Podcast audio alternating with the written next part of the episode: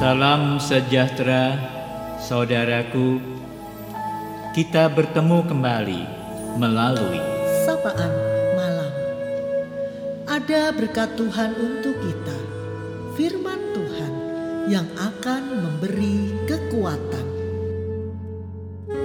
apa saja yang dianggap bernilai akan selalu dijaga dengan baik dan diperlakukan secara khusus. Di heningnya malam ini, marilah kita menyediakan diri kita untuk disapa melalui firman Tuhan. Zakaria 2 ayat 8. Siapa yang menjamah kamu berarti menjamah biji matanya.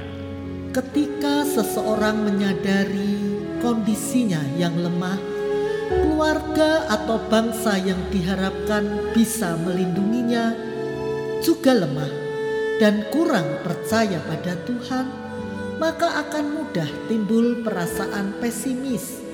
Demikian sekembalinya dari Babel ketika Yerusalem masih belum menjadi tempat yang kondusif untuk ditempati.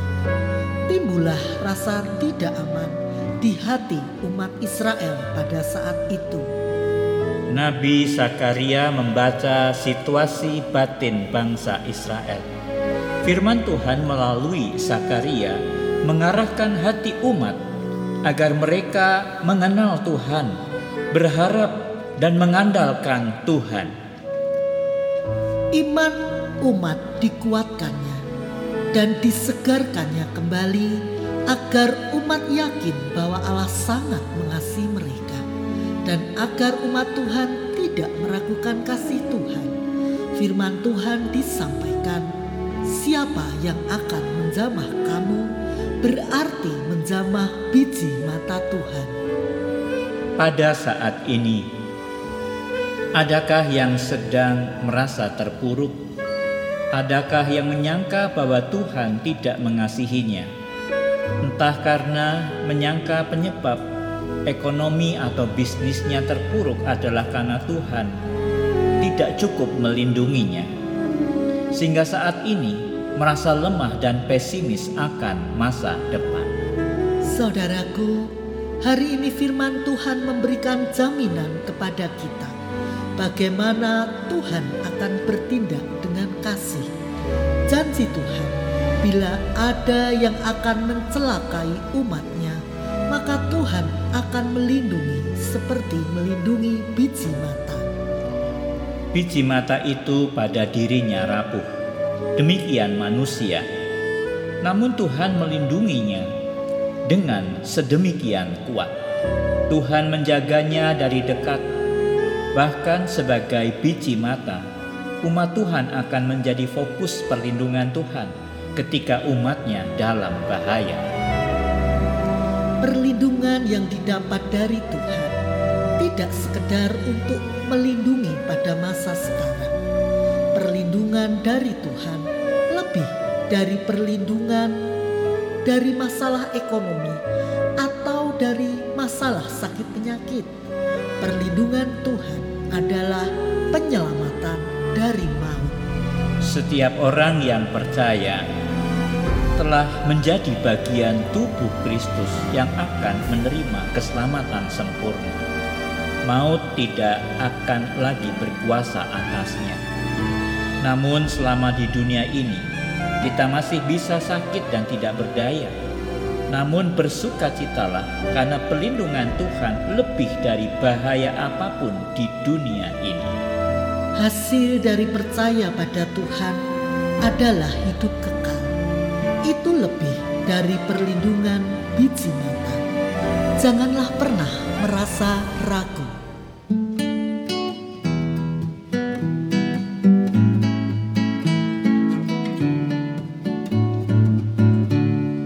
Walau banyak rintangan dan badai pun menerjang.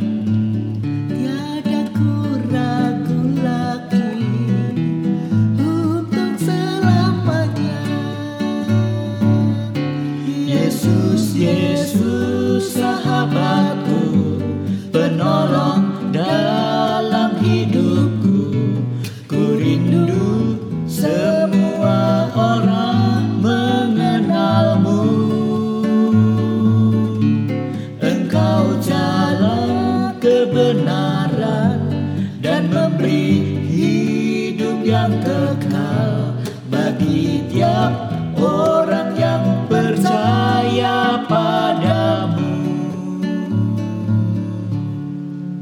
Marilah kita berdoa. Bapa di sorga, bersyukur untuk malam hari ini kembali kami boleh bersekutu dan kami boleh mengingat akan segala kondisi kami sebagai manusia yang sering kali menghadapi bahaya. Kadang kami merasa lemah dan ampuni kami karena kami kadang menjadi kurang percaya kepadamu. Malam hari ini firmanmu boleh meneguhkan kami bahwa engkau Allah adalah Allah yang penuh kasih, yang menjamin bahwa Allah akan melindungi kami sebagai biji mata Tuhan. Biarlah kami boleh tenang menghadapi segala persoalan kehidupan ini kami serahkan setiap keluarga, kami serahkan setiap pergumulan ke dalam tanganmu. Kami hendak bersandar dan percaya kepadamu. Apalagi bahwa keselamatan daripadamu lebih daripada hidup di dunia ini. Terima kasih Bapa. Di dalam nama Tuhan Yesus Kristus kami berdoa. Amin. Selamat malam saudaraku, selamat beristirahat. Tuhan Yesus memberkati.